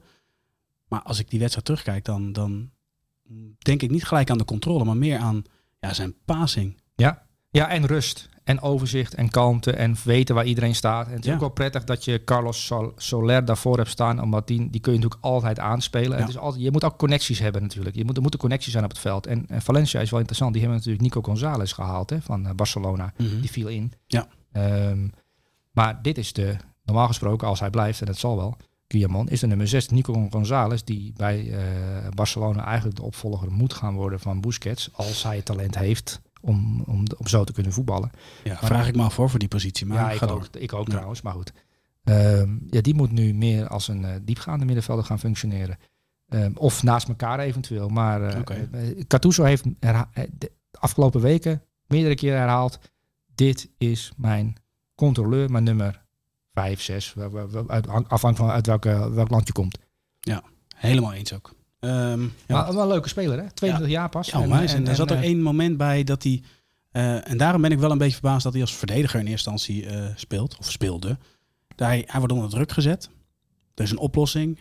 Hij draait weg. Hij bindt. Hij wacht tot hij dichtbij staat. En dan pas paast hij. Dus niet direct. Kijk, dat zie je vaak bij verdedigers. Op het moment dat ze minimale druk krijgen, Ja. dan gaan ze al pasen. ja, en hij maar- stelt hem ook goed uit. Ja, maar je, je moet ook... Kijk, Xavi wil bijvoorbeeld heel graag Frenkie de Jong in de achterhoede hebben. Dat wil Frenkie de Jong niet. Ehm, maar dat zou natuurlijk als centrale verdediger een openbaring kunnen zijn. Als hij zich daar echt toe zet, En- Sensatie. dan wordt het een sensatie van achteruit. Alleen, ja, de- een jongen zelf moet er ook wel plezier in hebben en, en er zin in hebben. En eh, Koeman deed het ook een aantal keer. En, en ik vind dat Frenkie de Jong echt hele goede wedstrijden heeft gespeeld. Centraal achterin, ook als noodoplossing. Maar een tegenstander weet niet zo goed wat het moet doen als Frenkie de Jong begint te dribbelen. Nee. Want dan gaan er op het veld, ja, dan moeten jongens uit hun positie lopen. Want ja, Frenkie de Jong kun je niet laten lopen tot aan de, de tweede paal. Met de bal Nee. voet. Want dan, dan, dan maak je namelijk een doel. Wel leuk om naar te kijken. Het is wel leuk om aan te kijken. En eh, eh, ik vind het wel prettig als er trainers zijn die, dan in zo'n trainingsweek... Hé, maar die Guillamon, leuke centrale verdediger. Ehm, maar dat wordt mijn nummer 6. En hij kan altijd nog centraal in de achterhoede. Mocht Nico González of mocht er een schorsing zijn, moet er iets opgelost worden. En, Mhm. maar je moet kunnen variëren en, en spelers op een andere manier kunnen gebruiken. Net zoals je bij Chelsea hebt gezien met Dries James. Ja. Die, die 9 van de 10 trainers blind als rechter wingback neerzetten. Maar die kan perfect als rechter centrale verdediger. Hey, kijk, dan komt Ruben aanlopen. Naast ons. Ja, die, vind, die vinden het allemaal te lang duren. Hè. Die, die willen alleen maar eh, relletjes bespreken. Ja, maar wij zitten hier over gewoon hadden. lekker voetbalinhoudelijk te praten met, eh, met onze miljoenen luisteraars. Ja, en jij zegt net, Frenkie de Jong, sensatie als centrale verdediger. Dat zou zijn kop geweest zijn, hè? Ja, dat zou, ja, precies. Oh, kijk. Ja. We worden ook gefilmd. Heeft Matthijs ook al gedaan. Even lachen, Iets sorry. naar kijken. Sully. Nee, ik wil niet kijken en ik ga ook niet naar die camera kijken. Je verpest het hele item. Ik zit hier over voetbal te praten. Nou ja, toch leuk dat hij even komt. Vind je Ja. niet? Maar goed, ehm zullen we een cijfer geven? Guillamon een 9. Een 9, oké. Dan gaan we naar eh, de laatste middenvelder, Matthias Jensen.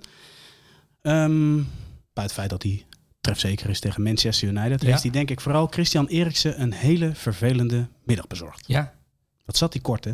Eh, ja, dat was ook de bedoeling. Dat was precies wat de trainer tegen heeft gezegd. Matthias Frank, die hem kent vanuit Noord-Zeeland. die heeft hem daar ook getraind. Mhm. Ehm, kijk, Eriksen houdt er niet van als er iemand als een horstel in zijn nek zit. Ehm, en zeker niet als hij dicht bij eh, het doel staat van zijn, van zijn eigen keeper eigenlijk. Dus als hij op Ja. de helft van, van zijn eigen helft staat, houdt uh, Christian Eriksen niet van als hij zo kapot wordt geprest. Want hij werd kapot geprest. Ehm, en, en net op tijd inhouden, dus het wel de, de, degene die Eriksen aanspeelt, het gevoel geven dat hij aangespeeld kan worden. Want Eriksen kan alle kanten op draaien, links en rechts. Dat je, het is als de Gea denkt, kan wel. Ehm, en Jensen, is een hele intelligente jongen. En die kan je met tactische opdrachten het veld insturen. En dit was de opdracht. Een van de hele simpele eigenlijk eh, vondsten van een trainer. Is het zo simpel om het uit te voeren? Want je moet wel Nee, het gedrag van de keeper kunnen lezen in dit geval. Ja, ehm, en, en dat is een van. Dat is ook, intelligentie is ook een kwaliteit. Hè? Je bedoel, je bedoel, eh, lengte is een kwaliteit, eh, balbehandeling is een kwaliteit. En je, rust en kalmte, oplossingen zien. Ehm, maar het spel lezen, en dit, is, dit, dit besta ik onder het spel lezen, dat je Ja. aan, de, aan de manier waarop een keeper beweegt, aan de manier waarop een keeper zich opendraait, eh, d- d- kunt lezen van dit gaat er gebeuren. Ik wacht nog even met erop zitten, anders draait Eriksen bij je weg. Maar Mhm. geef hem het gevoel dat hij inderdaad de bal kan aannemen en dan bam. En, en dan is Eriksen altijd te laat. En dan ziet het er heel knullig uit. Dan lijkt het alsof er enorm wordt geblunderd. Maar je moet het eigenlijk anders bekijken. Dit is een tegenstander die zich zo goed heeft ingelezen. En een trainer die dat goed heeft overgebracht op de spelers waar het over gaat. Want dat is vaak waar tennis de mist in gaat. Ik had er wel elf kunnen wisselen. Nee, je had jezelf moeten wisselen, want je hebt die spelers niet goed overgebracht. Als een, als een, als een elftal collectief faalt, moet een trainer in de spiegel kijken. Maar ehm, en, en wat Brentford nu laat zien tegen United is gewoon een trainer die zich beter heeft voorbereid en de spelers beter heeft kunnen eh, prepareren. Maar het heeft ook, dat kost ook tijd. Om wat, Maar wat Brentford nu De doet, trainer van de tegenpartij. ja, wat Brentford nu doet, is natuurlijk niet een kwestie van een paar dagen training. Dat is een kwestie van een, een, een filosofie en een werkwijze die al jarenlang op een bepaalde manier wordt uitgevoerd bij die club. Met een trainer die de tijd heeft gekregen om daar iets moois op te bouwen. En die nu in de Premier League afgelopen seizoen echt geweldige dingen laat zien. Want Brentford gewoon een van de clubs van het jaar. Met ook een van de trainers van het jaar. Ja. En die in de Luwte geweldige dingen laat zien. En nu ehm, met 4-0 wint van Manchester United. En eh, ook dankzij deze Matthias Jensen, die, eh, Ja. Die wel een bijzonder verhaal heeft. Want Matthias Jensen en Christian Eriksen, want dat wil, daar wil ik het ook over hebben. Want er zit ook wel een mooi persoonlijk, nou niet mooi, een heel tragisch persoonlijk verhaal aan vast. Hè? Want jij weet, jij weet wie erin viel hè, voor, eh, Ja. voor Christian Eriksen. Zeker. Ja, Matthias Jensen. Ja, dan gaan we weer terug naar het EK. Ja, dan terug naar het EK. ehm, maar Matthias Jensen, die, eh, die daar natuurlijk al interviews over heeft gegeven. En die, eh, die natuurlijk, die kan zich van die wedstrijd bijvoorbeeld niets herinneren. Van die invalbeurt. Die heeft geen idee wat daar gebeurd is. Ja, ik- je kan er terugkijken, dan weet je het natuurlijk wel. Mhm. Eh, maar hij heeft er geen geheugen aan vast. Hij, hij noemde dat een, een, een, een uit je lichaam treden experience. Nou, in het Engels is daar een heel mooi woord voor. Out of your body eh, of out of your mind experience. Maar het- hij had het gevoel dat hij, eh, dat hij uit zijn eigen lichaam getreden was tijdens die wedstrijd. Ehm, Heeft maar- ook uitgelegd waar, waar dat is? Dat, is dat dan puur van het dat is zo trauma? traumatische ervaring natuurlijk. Dat eh, een van jouw eh, collega's daar op de grond Ja. eh, ligt eh, dood te gaan. We hebben het natuurlijk allemaal gezien. Dus het was wel vrij. eh, ik vond het als kijker ook best wel. eh, de, de rillingen gaan Ik vond het heel heftig. gaan de rillingen gaan over je lijf. Dus dat, Ja. stel, stel je voor dat jij invalt, eh, in het veld eh, inkomt. ehm, en dan het hele toernooi ook nog eens eh, meemaakt. Ehm, omdat jouw collega die... hadden toen eh, de dag nadat het gebeurde Danny Blind in de Ja. uitzending. ja, ja, ja. Daarvan zag ik het ook, hè? Oh, Ja. dat was dat. dat ja, dat hakte wel in. zo En, hard binnen. en dat ze toch die, die, diezelfde dag nog gespeeld hebben. Die wedstrijd afgemaakt hebben, omdat ze anders de, andere, de volgende dag moesten spelen. Ehm, maar goed, ehm, deze Matthias Jensen, die, eh, die op jonge leeftijd doorgebroken bij Noordjylland. eh, onder die Matthias Frank, die nu trainer is van, van Brentford. Maar die had een droom en die wilde in Spanje slagen.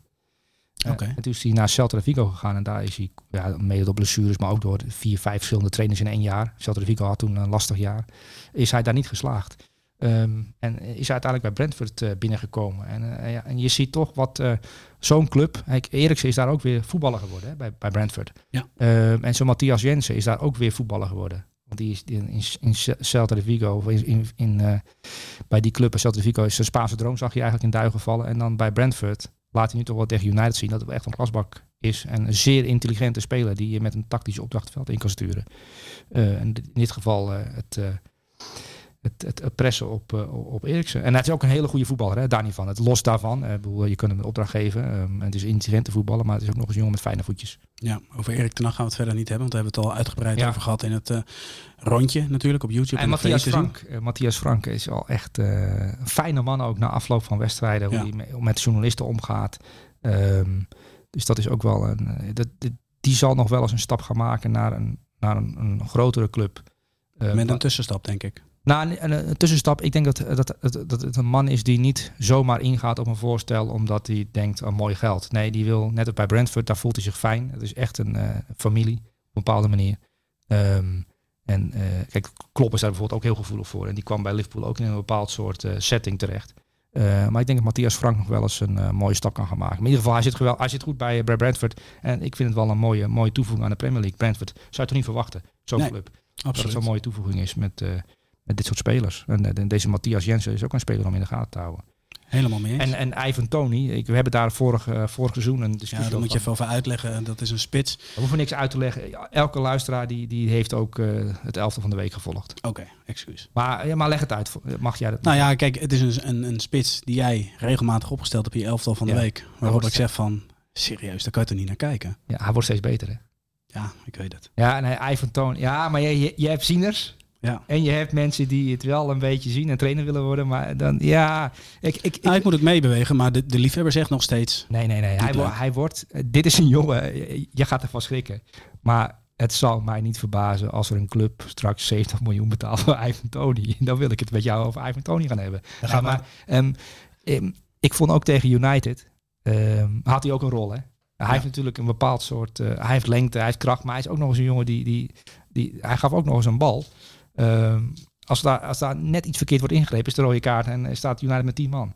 Dus eh, je- ziet hem bijna met de maand beter worden. En dit is over eh, aan het eind van het seizoen, als hij de 18 of 19 in hebt liggen voor Brentford. En neemt ook de strafschoppen. Dan wordt het een zeer interessante speler voor, voor, de, voor de Engelse topclubs om erbij te hebben. Omdat hij natuurlijk ook iets met zich meebrengt. Ja, wat vind jij zijn voornaamste kwaliteit? Nou, ik vind dat hij een aantal kwaliteiten heeft. Hey, we krijgen een ijsje van Matthijs Vecht. Het is natuurlijk warm weer. Eh, Ze doen er ook alles aan om die podcast eh, te laten mislukken, hè? Ja, maar ze spelen ook een belangrijke rol in dit format. Eerlijk is eerlijk. Ja, ze hebben ons van zender gehaald. Ik bedoel, je, Ook. net als bij de NPO of eh, heb je zendercoördinatoren, die halen een succesvol programma van, van, van de buis. De kijkers willen eigenlijk het allemaal zien, het briefje. En dan word je hier in een, in een podcasthok gedropt. En dan komen ze heel quasi grappig met, met een raketje Ja, aanhuppelen. Maar nogmaals, dat is jouw idee, Soelie.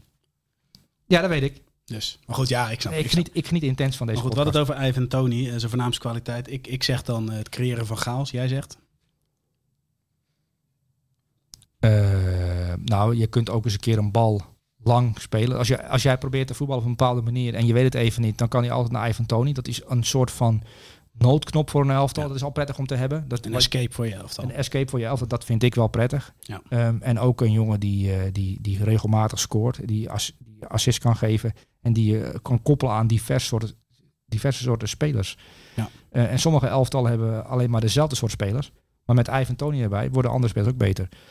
Dus, dus ja, ik, ik zou hem echt heel goed vinden passen bij Manchester United. Met de kwaliteiten, met Martial, met Rashford, met Jadon Sancho. Geloof me, wordt Jadon Sancho echt beter van. Maar dat is maar, ja, wie ben ik? Nou ja, oké. Ik zal er met iets meer waardering over, over spreken in het vervolg. Maar Manchester United, Ivan Tony. Maar goed, Wij spreken elkaar nog. wij spreken elkaar nog. Ehm, je moet nog cijfer geven. Eh, aan Ivan Tony of eh, Jensen. eh, Matthias Jensen? Ja, negen. Ik bedoel, well executed game plan, hè, zou de trainer zeggen. Dus eh dankjewel. Matthias. Een negen. Hey, ehm, ja. We hadden aan het begin van de uitzending heb je het over spelers eh, die redelijk nieuw zijn, Ja, die eh, jij een podium geeft, die Ja. opvallen, ja. die je in de gaten moet houden. We praten over een 20-jarige aanvaller van Osasuna en ik wil eigenlijk de introductie volledig aan jou overlaten. Nou ja, hij debuteerde bij Osasuna ehm, in de basis. Het is niet zo dat ik wekelijks wedstrijden van Osasuna zie. Ehm, maar dit was op een vrijdagavond. Vrijdagavond. En als je niets op een vrijdagavond doen hebt, dan zet je de tv aan en dan, en dan val je een wedstrijd binnen. En dan zie je een jongen met eh, eh, gouden voeten. En dan denk je, hé, hey, wie is dat? Ehm, die die bal zo eh, aanneemt alsof het geen moeite kost. En dan ga je googlen en dan blijkt dat een jongen van 20 zijn uit de opleiding ehm, van Osasuna. En, en het goud, eigenlijk een beetje de, diamant van die opleiding. Mhm. Eh, waarbij, waar Barcelona achteraan heeft gezeten, waar Real Madrid achteraan heeft gezeten. Maar die jongen wilde per se slagen bij Osasuna. Dus die heeft nee gezegd tegen die clubs en tegen 200 andere aanbiedingen. Ehm, en ehm, ja, die zag ik spelen. Je, je, je hebt wel eens dat je eh, op slag verliefd wordt, toch? Op iemands talent. Of een voetballer of, eh, ja, of een vrouw, weet ik veel. Ja. Ehm, dat je denkt van wow. Wat Ja, een soort voetbalcrush. en, en, en dat had ik bij, eh, bij, bij, bij, de eerste aanname. Denk ik, oh, dat is, dat is anders dan je verwacht bij Osasuna. Want we hebben het over. Aymar Oros. Mooi speler. Eh, ja, voor- ja, voor, ja, jij, jij kijkt dan nu dan ook voor het eerst naar. En, en, en, en, en wat zie je dan? Een ehm, bewegelijke jongen. Een jongen die eh, goed is in de kleine ruimtes. Die goed eh, eh, de ruimtes kan bespelen. Maar ik vind het ook wel mooi. kwartier voor tijd 1-1. Jong mannetje. Ja. Penalty nemen. Karakter tonen. ja, kijk, hij werd in de loop van de week eh, verteld dat hij begint in de basis. En het is de eerste keer dat hij in de basis begon. Maar de trainer vond het nogal frappant dat hij dat aannam alsof dat volstrekt normaal was. Ik bedoel, vrij volwassen, dat je denkt, oké, ja, natuurlijk begin ik. Dat hoef je niet te vertellen. Maar hij heeft nog nooit, hij heeft nooit begonnen. Dus dat was wel bijzonder. Dat was, Ja. ik dacht van, ah ja, hij neemt het goed op. Ehm, en dan is het minuut 75. Ze spelen tegen Sevilla. Eh, dat is gewoon een Zeker. Hij stond tegenover Gudelje en Rekiek. Krekiek, ja. Precies. Ehm, top tegenstander. ehm Osasuna vecht voor de punten. Eh, hij speelde met Chimi Avila, die, die, die onder de tatoeage Ja. zit. Dat is een bewegelijke, agressieve, vinnige jongen. En hij is de wat gracieuze aanvaller die, die tussen de 10 en de 9 speelt eigenlijk. Die er Ja. een beetje omheen eh, cirkelt. Ehm minuut 75. Ehm, je kunt drie punten pakken en je pakt de bal op En er is ook niemand die dan denkt van ja, eh, misschien moeten we een ander laten nemen. Nee, dit is, is gewoon die vanzelfsprekendheid. En dat betekent dat... En dat gebeurt niet overal, hè? Het gebeurt niet overal. En, en dit is wel een speler. Um, dit is niet zomaar dat je Barcelona en Real Madrid uh, afwimpelt. Dat doe je niet zomaar. Dan ben je wel, dan ben je wel, heb je, ben je wel helder in je hoofd. Mhm. En, en heel zeker van je zaak en wat je wil. En uh, dat soort jongens, die, uh, die, die moet je koesteren. En dat je ook nog zo goed kan voetballen. Dus misschien dat we, dit is de eerste wedstrijd, basisdebuut. die krijg, je krijgt niet zomaar een kans onder deze trainer. Bosasuna, je moet het echt verdienen. het is niet zo dat hij hem opstelt, maar die denkt van ja, dan dat doe ik het als trainer goed, want dan komt het talent aan bod. Nee, deze jongen heeft afgedwongen dat hij nummer één spits is bij Osasuna samen met Simi Avila. En ik denk dat we van deze, van deze speler, Aymar Oros, nog veel mooie dingen gaan zien. En het is echt het juweeltje van de opleiding van Osasuna. En het is toch wel leuk omdat, omdat in zo'n eerste wedstrijd dat je denkt, hé, hey, dat zie je niet vaak bij die club. Nee. En dat je nu denkt, van, uh, als je de volgende wedstrijd van Osasuna gaat kijken of je gaat hoogtepunten bekijken, even letten op, ik denk nummer 29 uit mijn hoofd dat het was. Nummer 29 heeft hij. Ja. Dus, maar dat vind ik het leuk aan deze rubriek, dat je dan... Um Nee, spelers. Je begint over spelers die je niet echt heel goed kent, wel eens van gehoord hebt of nog helemaal niet van gehoord hebt. En dan ga je toch met een andere bril ga je daar naar kijken. Zoals we vorig jaar natuurlijk in de Franse competitie ook regelmatig spelers in de gaten hebben uh, ja, ja. gehouden. Ja, ik, ik, word ervan beticht dat ik met een Lionel Messi pyjama aanslaap. En dat zijn mensen die dat mij wel eens berichten of via Twitter of via Instagram. Maar in werkelijkheid slaap ik met een Love Romagnol pyjama. Dat weten veel mensen niet. Ja. die speelt trouwens een hele slechte wedstrijd, maar dat geheel terzijde. Ja, mij wordt, voor mij wordt wel eens, uh, mij wordt wel eens gevraagd of ik aandelen heb in uh, Ricky Poets. Ja, die is trouwens, uh, heb je dat meegekregen tijdens je vakantie? Ja, ja. Is naar ja, LA, zeker. LA, ja. LA Galaxy, hè? Merkwaardig. Hij speelde niet, want ik zat de samenvatting op ESPN te kijken, want ik ga hem toch volgen, maar hij speelt me nog niet. Ja, jij bent in je eentje, ben jij fan van Ricky Poek, hè? Ja, maar dan moet je even uitleggen. Wij gingen met, uh, met onze club gingen op trainingskamp in Barcelona. En je had al eerder over toen bij Barcelona B speelde Ricky Poets. Ja. En uh, die zei, ja, die moet je in de gaten houden. Die heb ik daar gezien. Dat vond ik zo'n mooie speler. Ja. ja, dat is een voetballer die... Uh, ja, die heeft eigenlijk geen lichaam om te voetballen. Hè? Dat is een soort van veertje. Dat is, die, die heeft geen lichaam om te voetballen. Dat is, nee. die, die, zou, die zou je eigenlijk op een luchtkussen los moeten laten. En dan veel plezier deze middag. En dan haalt zijn moeder hem aan het eind van de middag op.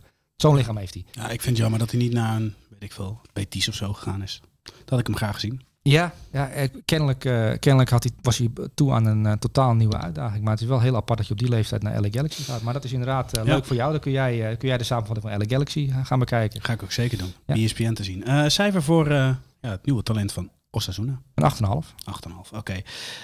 Um, de volgende spits die gaan we kort bespreken, want die hebben we als speler van de week. En dat is uitgebreid te zien op YouTube, dus wij gaan hem hier kort bespreken. We hebben het over Gabriel Jesus. Ja. Helemaal opgeleefd in, in Londen. Uh, de toch al swingende machine van uh, Mikel Arteta. Ja, inderdaad. Met, met Saka, die, uh, die natuurlijk afgelopen seizoen heeft bewezen dat hij echt een toptalent is. En ook zeer volwassen al voor, voor zijn leeftijd. En je hebt natuurlijk Eudegaard, die heel fijn is in de kleine ruimtes. En dat ook, ook afgelopen weekend weer dat hoofdrol speelt. Lekker hè? In, op zijn manier. En Eudegaard is wel echt een hele verfijnde... Dat is echt een hele goede voetballer. Ja. Um, die dan van critici dan zeggen, hij moet vaker scoren en zo. Nee, hij moet gewoon lekker zichzelf zijn zijn. ding doen. Zijn ding doen. Precies. Um, en dan hebben ze nu met Jesus een doelpuntenmaker binnengehaald. En als je nu hem bezig ziet bij Arsenal, Cabio Jesus. Ja, en natuurlijk heeft City nu Haaland gehaald. En ook nog eens een Argentijn die, die ook uh, regelmatig invalt. Nu en al direct bij City 1 uh, erbij zit. Ja. Um, maar wat heeft hij de afgelopen jaren op de training niet aan Guardiola bewezen? Dat hij niet vaker als nummer 9 uh, is gestart. Hè? Want ja, je het ziet enige op... is dat uh, Guardiola vaak niet met een nummer 9 speelde. Ja. Dat was het probleem. Ja, maar het is best een goede aanvaller. Als je, als je hem nu bezig ziet en als hij deze vorm uh, vasthoudt, dan heeft hij straks een stuk of 9 assists en 25 doelpunten. Voor een spits van Arsenal is dat best aardig. Dat is best aardig. Dan heb je gewoon een knalseizoen. En dan zit je bij de beste zes spelers in de competitie. En dan word je genomineerd voor de PFA Player of the Year. Ja. Um, en hij past ook wel perfect bij, um, bij Eudegaard, bij Saka. Martinelli. Uh, bij Martinelli, die natuurlijk snelheid heeft en actie heeft en diepgang heeft. En, en Gabriel Jesus, die dat snapt, hoe dat werkt allemaal. Dan heb je ook nog eens uh, de linksback, die natuurlijk... Uh, je hebt, je hebt Czerny, maar je hebt nu ook Zinchenko, die ook perfect past bij wat Arteta wil. Dus ook, ook een upgrade. Ja. En, en, en, en ja, het, helaas was je er afgelopen week niet. Want ik had ook afgelopen week een elftal en er stond ook een Arsenal-speler in. William Saliba. Die is goed, hè? Uh, ja, die, die is goed, maar... Vorig jaar ook regelmatig in je elftal. Ja, als speler van Marseille natuurlijk. Ja. En uh, Ja, dat is een jongen die, eh, die nu recht centraal staat. En waardoor White, Ben White, Ben White. die natuurlijk voor veel geld gehaald is in de afgelopen jaren recht centraal stond, die is nu rechtsback. Eh, Dus het wordt wel interessant hoe dat opgelost gaat worden op de lange termijn als iedereen er is. Wie dan recht centraal speelt. Maar William Saliba, dat is wel een... eh, ja, als die het niveau haalt van de afgelopen twee wedstrijden en doorgroeit, wordt dat gewoon een hele grote meneer bij Arsenal. Ja. En eh, is hij straks onhoudbaar, want dan willen de alle grote clubs willen hem dan hebben. En dan heb ik het over de Barça Reals van deze wereld. Goed, we hebben het over Gabriel Jesus. Ik wil jou vragen om een cijfer te geven. En dan eh verwijs ik de mensen die nog meer willen weten van Oh. Gabriel Jesus naar eh, onze Nou, het YouTube-show. speler van de week. ik heb Kevin de Bruyne een 10 gegeven. Dan geef ik Gabriel Jesus geef ik een 10. Want hij was echt was wel echt een, een, een show wat hij die ja, die weg- goal. Ja, Goal mooi. ja mooie goal ook, maar de hele wedstrijd goed. Ja, helemaal mee eens. Hey, we gaan door naar de allerlaatste aanvaller. Er kwam een actie tegen Montpellier. Ehm, we kunnen het hebben over de twee goals. We kunnen het hebben over de 3-5-2 waarbij Messi achter Mbappé en deze speler staat. Of we kunnen het hebben over het relletje dat deze speler had met Mbappé. Naar aanleiding van de strafschop. Ja, we kunnen, maar alles, We hebben het over Neymar natuurlijk. alles heeft eigenlijk met de, met de speler die hij nu is, dat niveau wat hij nu haalt, heeft te maken met Mbappé. En, en, en, en de upgrade van Mbappé in, binnen de club qua contract, qua eh, eh, zeggenschap. Ehm, de nieuwe trainer is natuurlijk op een nieuwe manier gaan spelen. En eigenlijk ligt bij eh Paris Saint-Germain heel veel vast. Hè? Ik bedoel, je kunt de achterhoede nu gaan dromen. Want Sergio Ramos heeft nu eindelijk een rol Ja. eh, in een driemans achterhoede. Kim Pembe kan er lekker spelen. En je hebt Marquinhos. Middenveld eh, ja, heb je altijd Verratti gehad. Nou, nu heb je natuurlijk van Renato Sanchez. die is erbij gekomen, Renato Sanchez. En die mag met de aankoop van, eh, eh, van Porto, mag je gaan uitvechten wie het middenveld staat. Hè, Vitinha. Ja. Dus, en, en dat is een speler die brengt zoveel rust op het middenveld en zoveel eh, voetbalintelligentie. Dat je de basis hebt staan. Je hebt twee vleugels die er overheen knallen. Normaal Mendes, die, die natuurlijk zeer jong nog is, maar beter wordt. En Ashraf Hakimi, die veel beter is als hij onderweg is. En eh, kan aan, de aansluiting kan maken, zoals Dumfries bij Inter. Eh, en assist kan geven of op doel kan schieten. Want die, die scoorde natuurlijk ook. Ja, het feit dat Messi van de rechterkant eh, af is, dat is eh, wel ten gunste van Hakimi. En van Messi. En van Messi. Ehm, en het is, het is dat 3-4, 3-4, 1-2. ja, dat is het eigenlijk wel. Ja. 3-4-1-2, kun je het noemen? 3-4-1-2. Eh, met Messi als spelmaker. Met, en die, die, die wisselt dan af met, met Neymar eigenlijk.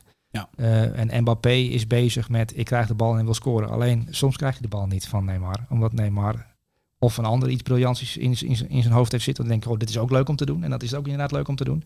Ehm, maar wat ik altijd doe is, eh, je, kijkt, je kijkt Paris Saint-Germain, die wedstrijd tegen Montpellier. En je ziet geweldige dingen. Je ziet eh, Neymar eh, mee verdedigen, zonder bal zijn werk doen. Je ziet hem een bal binnenkoppen, dat je denkt, waar komt hij vandaan gevlogen? Daar heeft hij normaal niet veel zin in. Dat doen anderen Nee. wel. Broekje vies worden. Ehm, dus hij is bevlogen. Hij is eh, met het elftal bezig. Ehm, hij is ook met Messi bezig. Er, is natuurlijk een, er zit een bepaalde chemie op het veld tussen die twee. Ehm, die mogen elkaar denk ik wel. Ehm, en Mbappé, ja, die, die hangt daar een beetje bij. En, en die denkt, hé, hey, maar eh, die Neymar heeft er al twee gemaakt. Ik heb een strafschop gemist. Die baalt een beetje. Ehm, en dat is wel int- interessant om te zien, dat, eh, dat Mbappé een beetje nukkig is omdat hij strafschop heeft gemist. En eh, een beetje nukkig is omdat eh, Neymar de show steelt. Ja, verkeerd de kleedkamer in Parijs een beetje in een stormfase. waarbij je vooral moet kijken van ja, hoe gaat de hiërarchie er daadwerkelijk uitzien? Los van de contractsituatie van Mbappé. Ja, maar er is, er is altijd wel wat te doen om, om, om de kleedkamer van Paris Saint-Germain. Het, is toch, het zijn toch een aantal sterren bij elkaar. En heb je, er is altijd wat om te doen. Dan is het de ene dag. De ene dag dan, eh, dan- dan lees je in de krant dat Neymar tot vijf uur la- eh, s s'avonds door is gegaan in een nachtclub. En dat hij eh, ehm, ja, zijn boekje te buiten gegaan is. En dan hoe reageert de club erop? Nou, Postino vond het allemaal fijn. Ehm, eh, dan, dan is er weer een verhaal wat gelekt is uit de kleedkamer dat, eh, dat, dat de Argentijnen een klikje vormen en dat die speciale privileges hebben. En dat, en dan, daar, zijn, daar zijn- is de Franse kliek onder aanvoering van Kimpembe en, en Mbappé eh, niet blij mee. En dat is, dat is, het is ook een beetje showbusiness lijkt het wel daar in Parijs. Ja. Ehm, daar moet je je gewoon voor afsluiten. En, en Mbappé heeft afgelopen jaar ook een aantal dingen meegemaakt. Dus de club stond ook in brand. En, eh, en, dan was hij vaak degene die dan eh, op sportieve wijze reageerde. En, eh, de trainer die ze nu hebben, Galtier, die, eh, die moet dit eh, kleine brandje, of grote brand is het eigenlijk, eh, moet hij in de kiem gaan smoren. Hij moet een penaltynemer aan gaan wijzen. Ehm, en, Ja. en, en hij moet ervoor zorgen dat Neymar en Mbappé elkaar niet zodanig gaan haten, in de weg gaan zitten, dat het elftal eronder gaat lijden. Ehm, want ik kan me herinneren, en ik weet wel zeker eigenlijk dat het zo is. ehm, ook afgelopen seizoen was het al, en het jaar daarvoor ook al zo, dat ze elkaar wel heel slecht vonden in sommige wedstrijden. Dat, dat, dat mensen gewoon dachten, mogen ze elkaar niet of zo. Ehm, nou, ik denk gewoon dat het, het zijn zoveel goede spelers bij elkaar. Dat, dat, dat Mbappé af en toe nukkig reageert en gewoon van het veld afloopt als een F-pupil omdat hij overgeslagen is. Omdat, eh omdat Neymar even een andere oplossing ziet. Ehm, en er speelt ook nog eens mee natuurlijk dat, eh, ja, dat in de krant heeft gestaan dat, eh, dat, eh, dat ene Mbappé eh, wilde dat Neymar geloosd zou worden. En dat, dat heeft impact op onderlinge relaties. Ja, en dan krijg je weer tweets die gelijk worden, die weer nadelig zijn voor Mbappé. Ja. Dus ik, ik geef het de coach te doen, want je bent eigenlijk meer artiestenmanager dan echt trainer. Nou, je bent artiestenmanager, maar ook artiestenmanager maakt deel uit van het trainerschap. En Ancelotti is een waanzinnige artiestenmanager gebleken de afgelopen twintig jaar. Ehm, en Galtier komt natuurlijk bij kleinere clubs vandaan. Is succes gehad bij nou, Nice afgelopen Mhm. seizoen. Ja. Saint-Etienne natuurlijk getraind. Ehm, met Lille. Succes behaald natuurlijk. Ehm, en nu kom je ja, in, in, de, in de grote mensenwereld terecht bij, bij jongens die eh 40 keer zoveel verdienen als jij. En die het niet pikken als eh, een collega of een journalist of iemand wie dan ook zegt dat hij er niet zoveel van kan. En dan wordt Neymar een beetje boos. En dan krijg je, eh, krijg je nu wekelijks een show te zien. Alleen, ehm, ik geloof dat Alfred Schreuder was die, eh, die in de rust van de wedstrijd eh, tegen Groningen, tegen Anthony heeft gezegd, je hoeft een lange bal niet op je hak aan te nemen. Is niet nodig. Dat is Neymar ook 150.000 keer verteld. Hè? Maar die Ja. neemt gewoon, als hij wil, de bal met zijn kont aan. Omdat hij er zin in heeft. En dat hoort een beetje bij zijn spel. Ehm, alleen wat ik naar waar ik naartoe wil werken, is dat Neymar die heeft ongelooflijk veel zelfvertrouwen nu. Die loopt daar echt als een eh, kind in de snoepwinkel te voetballen. En het heel, heel veel spelplezier. En ook heel veel plezier aan de bal. En hij, laat de meest waanzinnige dingen zien. Absoluut. Ook, ook, ook ehm, gewoon pases dat je denkt van oké, echt waanzinnig dat je, die, dat je dat op die manier kan uitvoeren. Of een dribbel of een aanname. Het is allemaal, het is allemaal even geweldig. Alleen wat bij hem dan zo is, dat hij zelfvertrouwen krijgt en dan net één dribbel te veel. En dan komt er een slager van een bepaalde tegenstander. En die- dan wordt hij een beetje boos. nou ja, nou, maar die, die hakt dan zijn enkel eraf en dan is hij weer maanden uitgeschakeld. Dat is namelijk elk seizoen gebeurd. Zodra Neymar in topvorm... vaak op het vaste moment, toch? Nou ja, ook als een zusjarig is, dat hij dan vaak geschorst is. Eh, maar de afgelopen seizoenen is hij elke keer waanzinnig in vorm. Dat je denkt van oké, Neymar gaat het nu doen. En dan, dan is hij op, op die euforie van eh, wat hij allemaal laat zien. Want het is, hij is, het is echt een, voet- een voetbal die speelt op gevoel. Ja. Ja. ja, en dat moet hij eigenlijk af en toe, zoals Messi ook heeft. Ik denk ook, het staat 4-0. Rustig aan. Ik doe alleen nog het hoognodige. Ik geef af en toe een leuk paasje. Eh, ik wil scoren, dus ik kom in posities om te scoren, maar ze geven me de bal niet. Daar raak ik wel een beetje geïrriteerd van. Maar ik ga niet acht man proberen voorbij te dribbelen omdat, het, eh, omdat er mensen in het stadion zitten en die willen waar voor hun geld hebben. Dat doet hij niet. Begrijp ik. Maar het is wel eh, het Mbappé die wil scoren. En als hij een penalty heeft gemist, dan wordt hij agressief en bozig en nukkig. En zo'n kind dat geen ijsje heeft gehad, weet je wel. Maar mijn ijsje is hier al bijna gesmolten. Ehm, Ja, ik heb maar naar binnen gewerkt. maar ik, Ja, heb, zo lang ik, heb een dochtertje en die geef je dan geen ijsje. Nou, die is dan twee uur lang nukkig tegen je. Omdat je geen ijsje gekregen hebt. En dat is wat je dan bij Mbappé ziet. En ook bij Haaland trouwens, als hij zijn bal niet gekregen Het is heeft. wel lastig als je 90 minuten moet spelen. Ja, ja eh, dat, is, dat, is niet, dat is niet fijn. Eh, voor medespelers niet. Eh, en, maar ik heb een mooi interview gezien met, met Erling Haaland.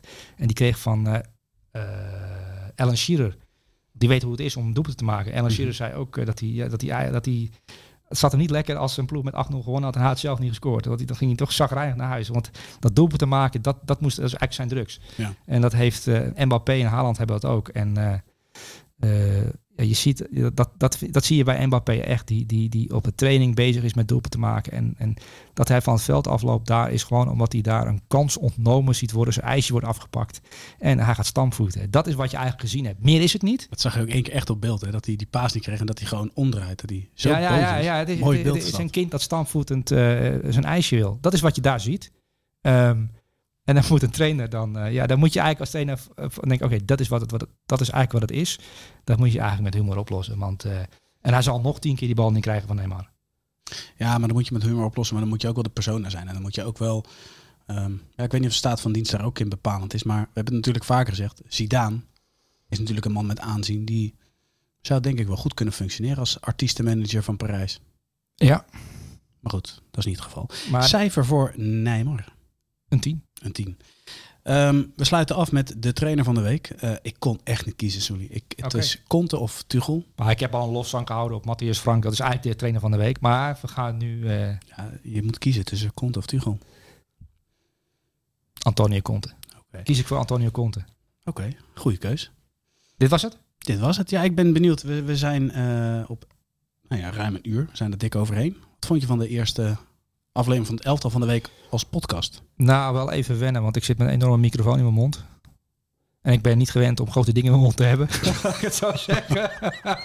nee, maar je zit met zo'n zwart gevaarte voor je. En ik vind het toch prettiger om een beetje onderuitgezakt te zitten. Ik zit op een, een of andere barkruk. Ja, maar de fijn. setting kunnen we wel aanpassen. En ik kan mijn blaadje ook niet zo goed zien. Dus eh, dat vind ik ook fijn om af en toe mijn- op een blaadje te spieken. Oké. Ehm, Dus we moeten iets aan de opstelling doen hier. nou ja, de microfoon moet eigenlijk onderuit de tafel komen, zodat ik iets... Ze moet iets veranderen aan, aan, aan, aan, de, opste, aan de opzet, ja. Oké. Nou, dan Ehm. gaan we daar naar kijken. Zullen we dan eindigen met eh, de tune? Ja, daar ben ik ook nog een keer benieuwd naar. Komt ie aan.